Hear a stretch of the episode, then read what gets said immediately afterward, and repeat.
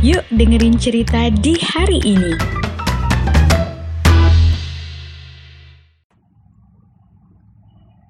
Jadi hari ini tadi di kantor kita lagi bahas soal gestur karena kebetulan uh, gue kerja di bagian frontliner di perusahaan gue dan itu juga salah satu pekerjaan yang menuntut lo tuh harus bener-bener menunjukkan sikap ramah gak cuman dari omongan tapi juga dari gerakan badan lo kan.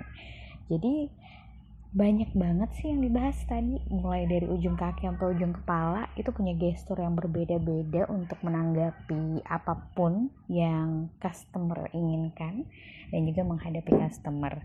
Tapi kalau ngomongin gestur nih ya jadi keinget sama gestur-gestur orang-orang yang ada di sekitar kita. Kalau misalnya kita ngumpul sama teman-teman, pasti tubuh kita, teman-teman kita tuh juga akan mengeluarkan gestur-gestur kalau mereka senang nih ngumpul sama kita.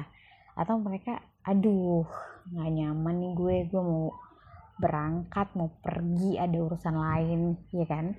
Pernah gak sih ngerasa kayak ada orang yang udah mulai menunjukkan gestur-gestur nggak nyaman ketika lagi sama kalian. Even ini hmm, bisa dibilang nggak cuman sekedar bahasa tubuh aja, tapi dari cara dia uh, menyapa, terus juga cara dia ngeliat kita itu tuh udah beda banget.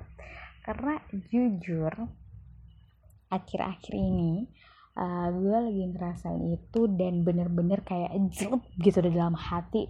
Wah ini orang nih gesturnya bener-bener lagi nggak mood banget sama gue.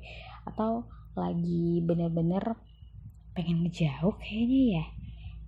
Jadi uh, sempat deket sama satu orang yang emang bener-bener intens kayak tiap hari teleponan tiap hari ketemu walaupun cuman sekedar say hey karena kebetulan kita satu kantor. Ups.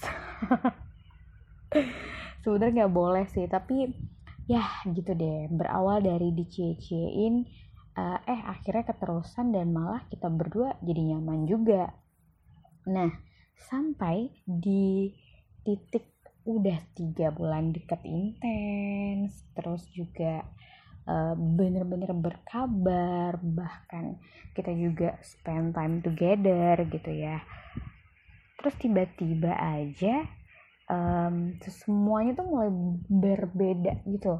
Kayak dia mulai menyapa secara dingin. Nah ini adalah awal mula yang awal mula dari gesturnya dia yang kayaknya pengen ngejauh dari gue tuh ini yang paling berasa gitu mulai menyapa dengan dingin yang biasanya tuh kayak hangat gitu hai hai di gitu. Atau eh di kamu lagi apa?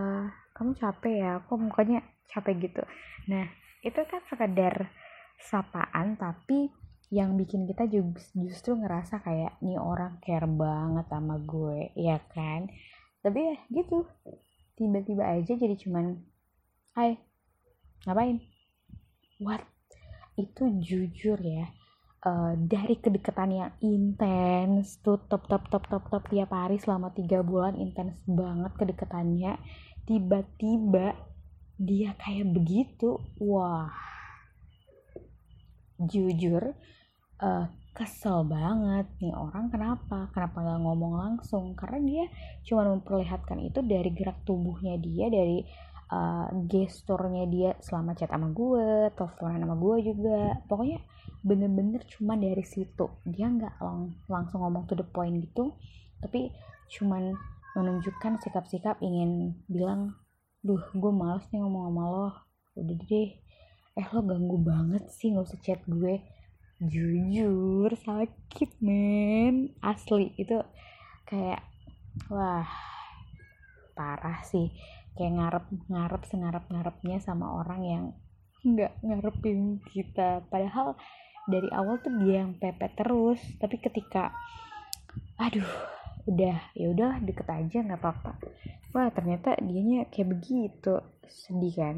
Nah kalau ngomongin gestur orang-orang yang udah pengen menjauh dari kalian nih even itu bukan uh, orang yang deket dalam artian pengen jadi pasangan ya tapi kan ada juga tuh kadang-kadang kita berteman udah lama banget tapi tiba-tiba teman kita kok ngejauh, kok nggak mau cerita lagi, kok nggak mau main sama kita lagi. Pasti kalian juga pernah ngerasain kan.